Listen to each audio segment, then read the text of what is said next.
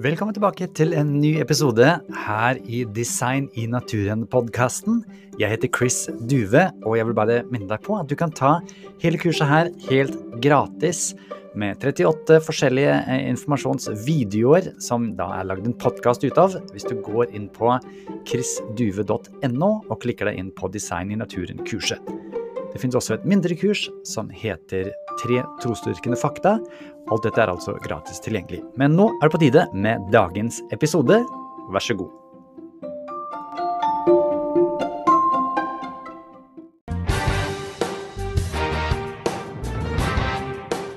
Welcome to uh, session two, and uh, thank you, Dr. Jonathan Wells, for joining us again. And uh, I have some more textbooks that I'd love to ask you about.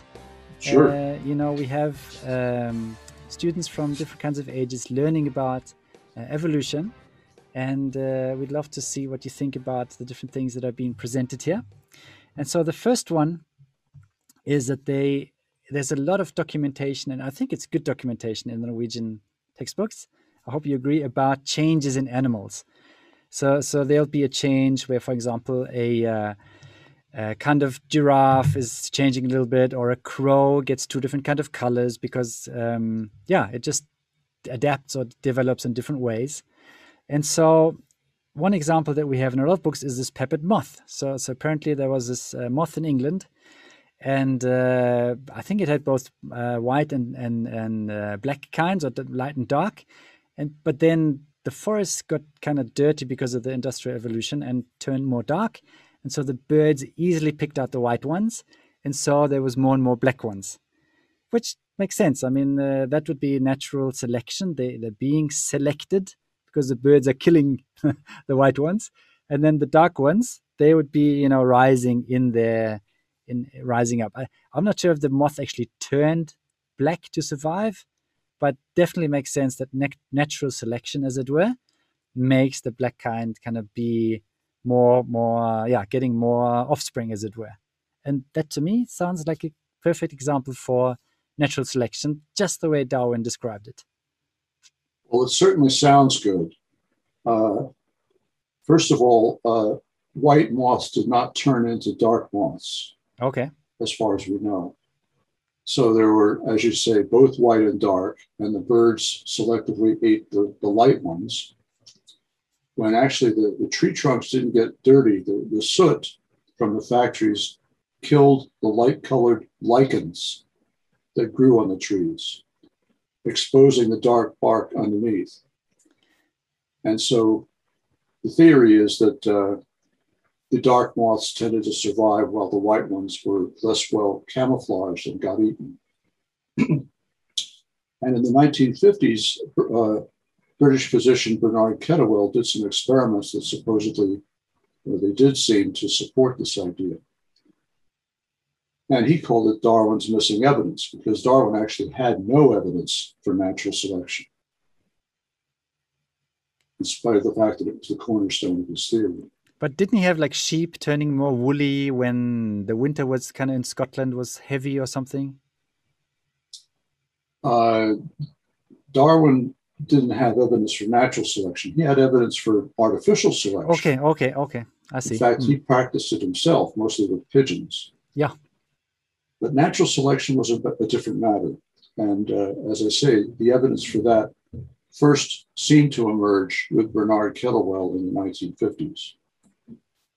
The problem with Kettlewell's story uh, is, and he's been criticized for this, his work has, he released light and dark moths into woods in the daylight, in the daytime.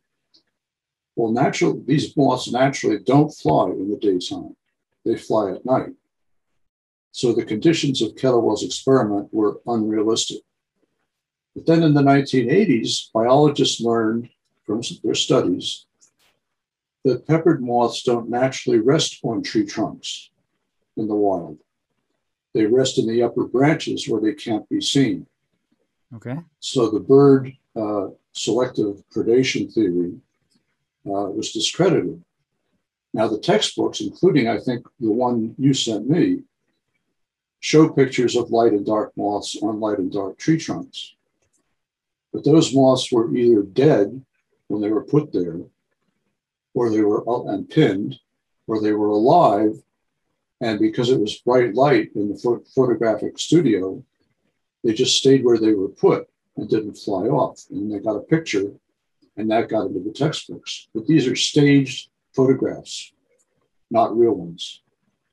In reality, as I said, scientists learned that the moths don't normally rest on tree trunks. But didn't uh, I? I read up a little bit on it, and um, there was one guy who was happy to kind of uh, debunk the thingy, who himself was an evolutionist, and he wrote, but then a new guy did some new experience from I think 2001 to 2007, Marjorie or something, and and he the found these moths. Yeah, yeah, and he found them on the tree trunks, right? Uh, yes, that's a long story. Uh, uh-huh. He he uh, looked at moths in a woodland near his house.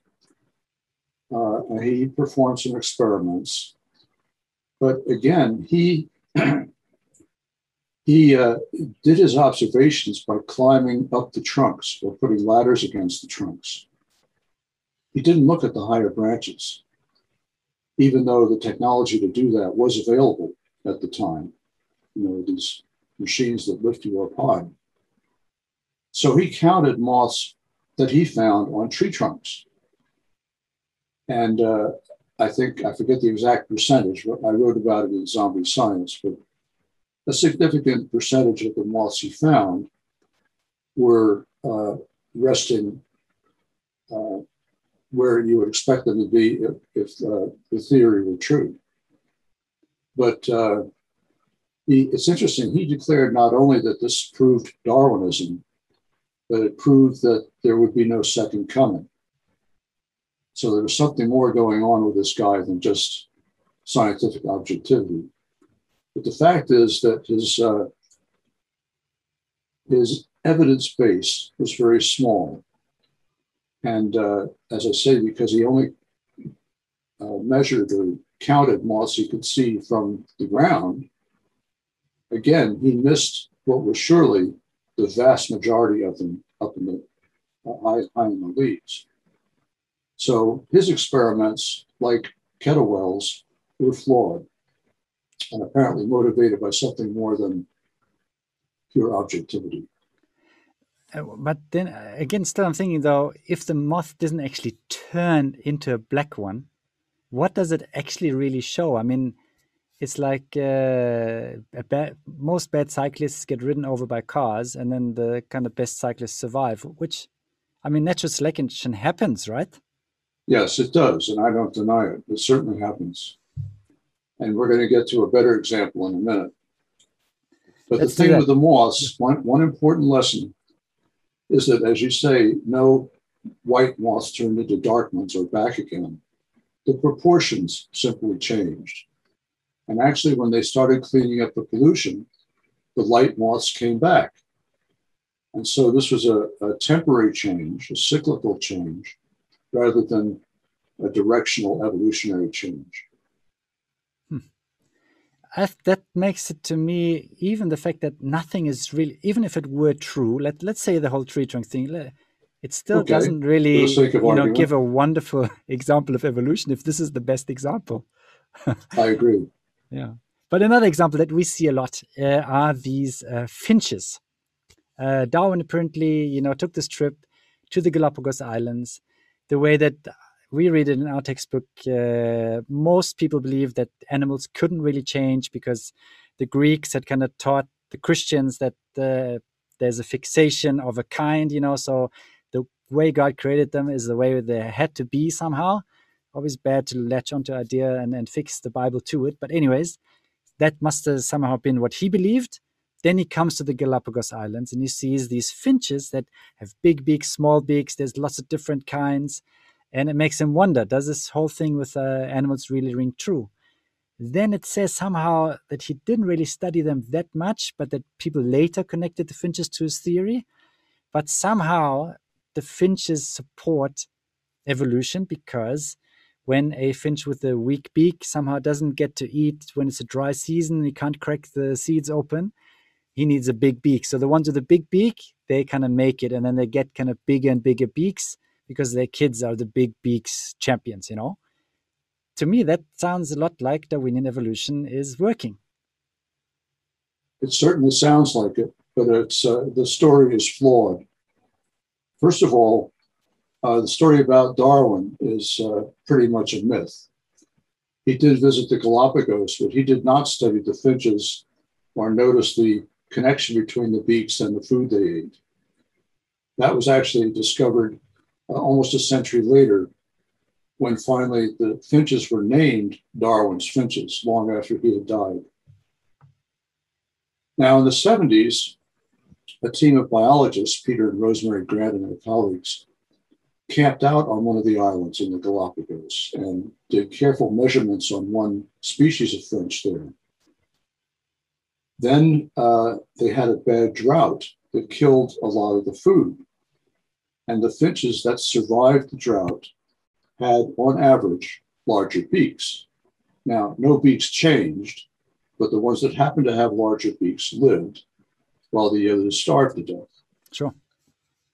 Uh, and the change was about 5% in the size of the beak. And the Grants and their colleagues predicted that if there were a drought every 20 years or so, this could cause this uh, species to evolve into a new species with much bigger beaks. The problem is uh, when the rains returned in a year or two, the food came back and the average beak size went back to what it was. In other words, the birds with the smaller beaks did just fine. And uh, the average in the population went back to what it was before the drought had killed the, the ones with small like a, beaks. Like a pendulum. Yes, it's called oscillating evolution. And it's not even the kind of evolution Darwin needs. So it's okay. more like the peppered moth than uh, what we would expect if Darwin was right. In fact, in recent years, the, uh, the Grants and their colleagues discovered that the uh, different so called species on the Galapagos of these finches were interbreeding okay. and that their offspring were doing very well. Now, one would expect that to be true if the so called species were actually merging rather than splitting. But in Darwin's theory, they split, they don't merge. So again, we have evidence that does not fit Darwin's theory. Which in Norwegian, actually, if it's the same, if it's a different kind, they cannot mate anymore. Yes, so that means they're true. actually the same kind. Yes, that's right. So okay. maybe what have been called different species uh, were not at all. Ah. That's another discussion entirely. Ah. You're right. But still, though, I mean, in the in our books, we get a lot of documentation of microevolution. You know, animals changing a little bit to adapt. Uh, let's say that you know, um, yeah, like these crows that change color, or you know, um, yeah, like the finches they're adapting. So maybe we just need to add time, you know, to make it happen, because what this textbook says, at least, is that uh, microevolution turns into macroevolution over time. And uh, that means we get uh, you know amphibians from fish-like creatures. And we yeah we see the populations evolve because there's lots of these animals right? So as long as kind of we agree to microevolution actually happening and we're actually measuring it why why over time wouldn't that actually lead to macroevolution and new families you know emerging well, once again, there's nothing logically wrong with this. Uh, microevolution, uh, as you pointed out, was defined a long time ago by an evolutionary biologist as minor changes within existing species. Macroevolution is the origin of new species, new organs, and new body plans. And he said, uh, We have no way of studying macroevolution because it takes too long. So all we can do is study microevolution and assume that it leads to macroevolution. And we're still doing that. It's an assumption. Uh, breeders, human breeders, have been modifying populations for centuries and producing lots of microevolution. There's no question about that. But no breeder has ever reported producing a new species, much less a new organ or body plan. So, what would you so say is the limit of microevolution then? Genetically? Well, there's a lot of disagreement about that. Uh, Michael Behe, biochemist at Lehigh University, has written about this in several books uh, The Edge of Evolution, uh, and so on. Uh, so it's, it's a debatable question, but what's clear is that uh, no one, either in domestic breeding or in nature, has ever observed the origin of a new species by natural selection. Now, That's, that must be the reason why we have these moths and the finches as examples, then. Yes, because that's the best we can do. Every now and then there's a claim uh, that a new species has been observed, but those claims always turn out to be observations of what, what are called incipient species. Okay. That is a variety that is thought to be on the verge of turning into a new species. But that's not evidence for the origin of a new species. That's that's a prediction. Uh, and that prediction has never been actually observed to take place. But then, you know, if animals stay in different places, like different environments, uh, they they adapt in, in different ways. Yes. And so, if you get the same animal in two different places, and let's say they traveled somewhere else or whatever, and they need to live more close to the water, more in the water, can't you have like a land going animal turning into something that lives more in the water because it's forced to do so? Like a whale. Yeah. So that's uh, your uh, image nine. Yeah. Right, with the giraffes. Yeah, yeah, yeah. Well, that's the theory. Uh, you, have stated the theory very uh, well. Uh, so one particular species gets divided by geographical barriers and adapts differently to different environments and eventually becomes so different, they become so different from each other that they constitute new species. Again, that's a, a very reasonable theory, but nobody has ever observed it. It remains a theory, a hypothesis. Not even stuff like the stickleback, or like uh, you, you, you hear people coming with news about it, right? It's uh, the evidence does not demonstrate what's it's called allopatric, other country speciation, or the yeah. origin of species, uh, and it remains a theory. The evidence uh, may suggest it, uh, but the evidence does not demonstrate it. So again, uh, we have Darwin's theory remaining in the theoretical realm, lacking hard evidence that it's actually true. Yeah. Reasonably, yes. But true, that's a different question. What about um, what about kind of negative evidence? You know, um, I got one textbook here that says uh, that's the one with mostly text, uh, but I sent you a translated version where it's about wrong constructions. And so you have yeah different a, a list of different things that could have been better. You know, like if there'd been really a designer uh, you, you, would have done it differently. And one example, which to me makes sense, is the is the mammalian eye. Uh, actually, the human eye. You know, um, it could have been better. Uh, why isn't it better? And uh, since evolution is still kind of going on, maybe one day it will be better. But because it isn't perfectly designed, there's a it kind of happened by itself.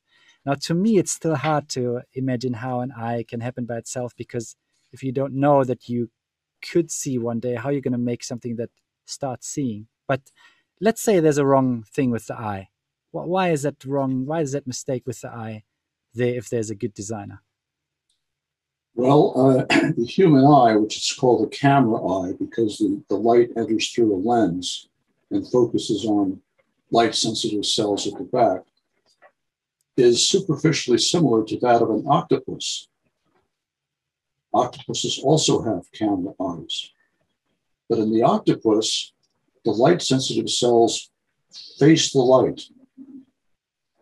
In the human eye, this is a picture of the human eye, the light sensitive cells here face the back of the eye. away from the light. And so Darwinists, especially uh, in recent decades, uh, Darwin himself didn't use the eye, he used other things.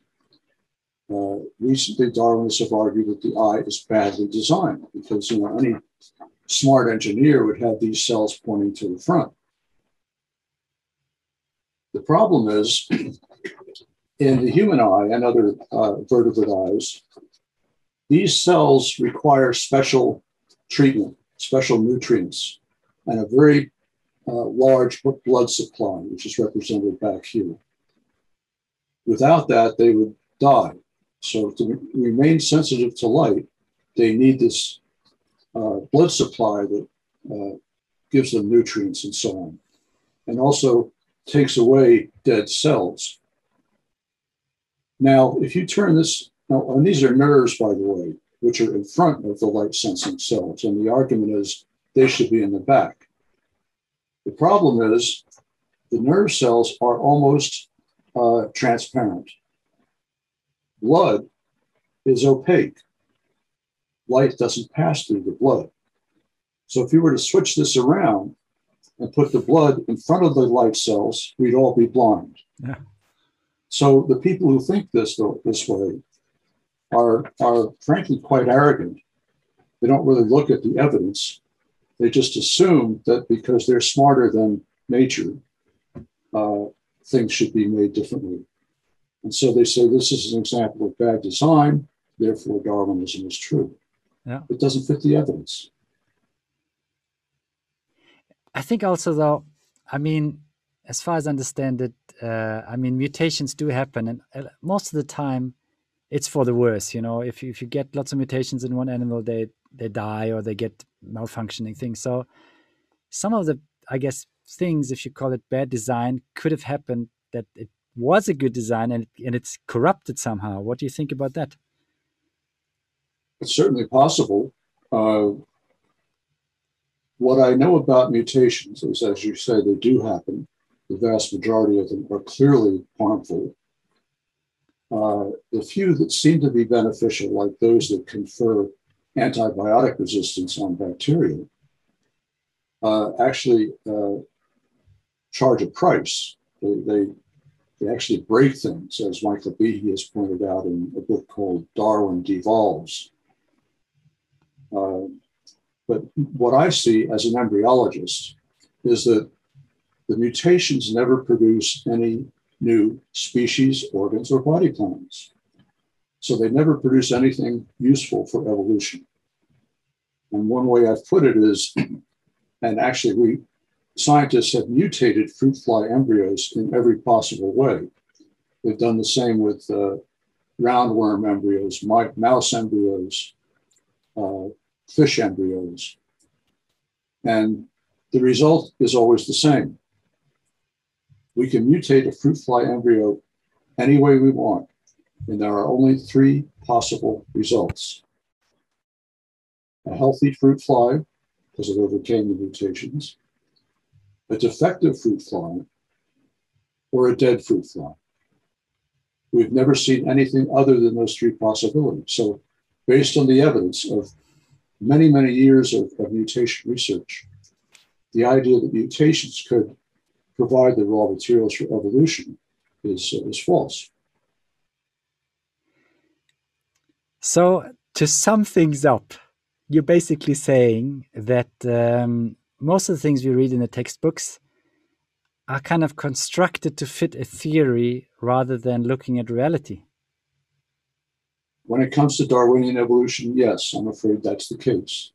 Now, these same textbooks can have very good material on anatomy, physiology, uh, biochemistry, whatever. But when it comes to Darwinism, uh, I'm sorry to say that they're actually pushing uh, a dogma rather than teaching science.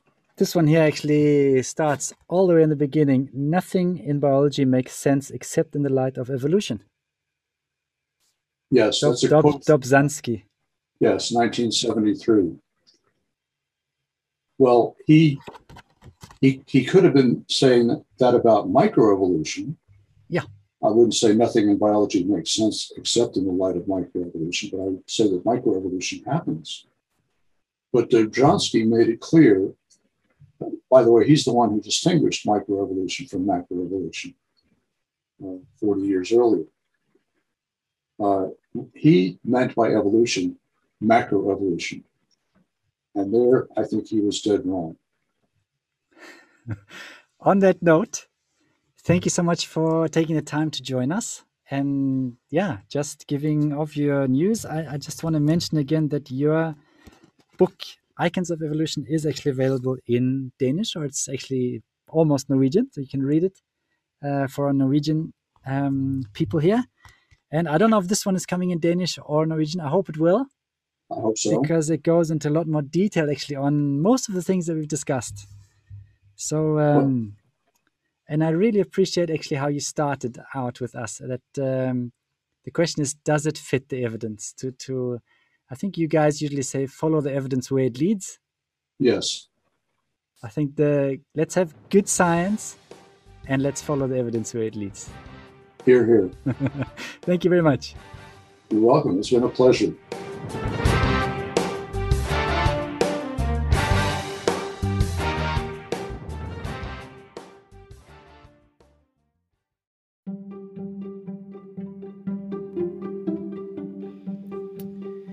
Igjen, dersom du ønsker å få tilgang til de hjelpearkene eller oppgavearkene, så er det jo fullt mulig for deg å signe opp til kurset. Da går det an å laste det ned. Hvis du går inn på chrisduve.no, så ser du all informasjonen der.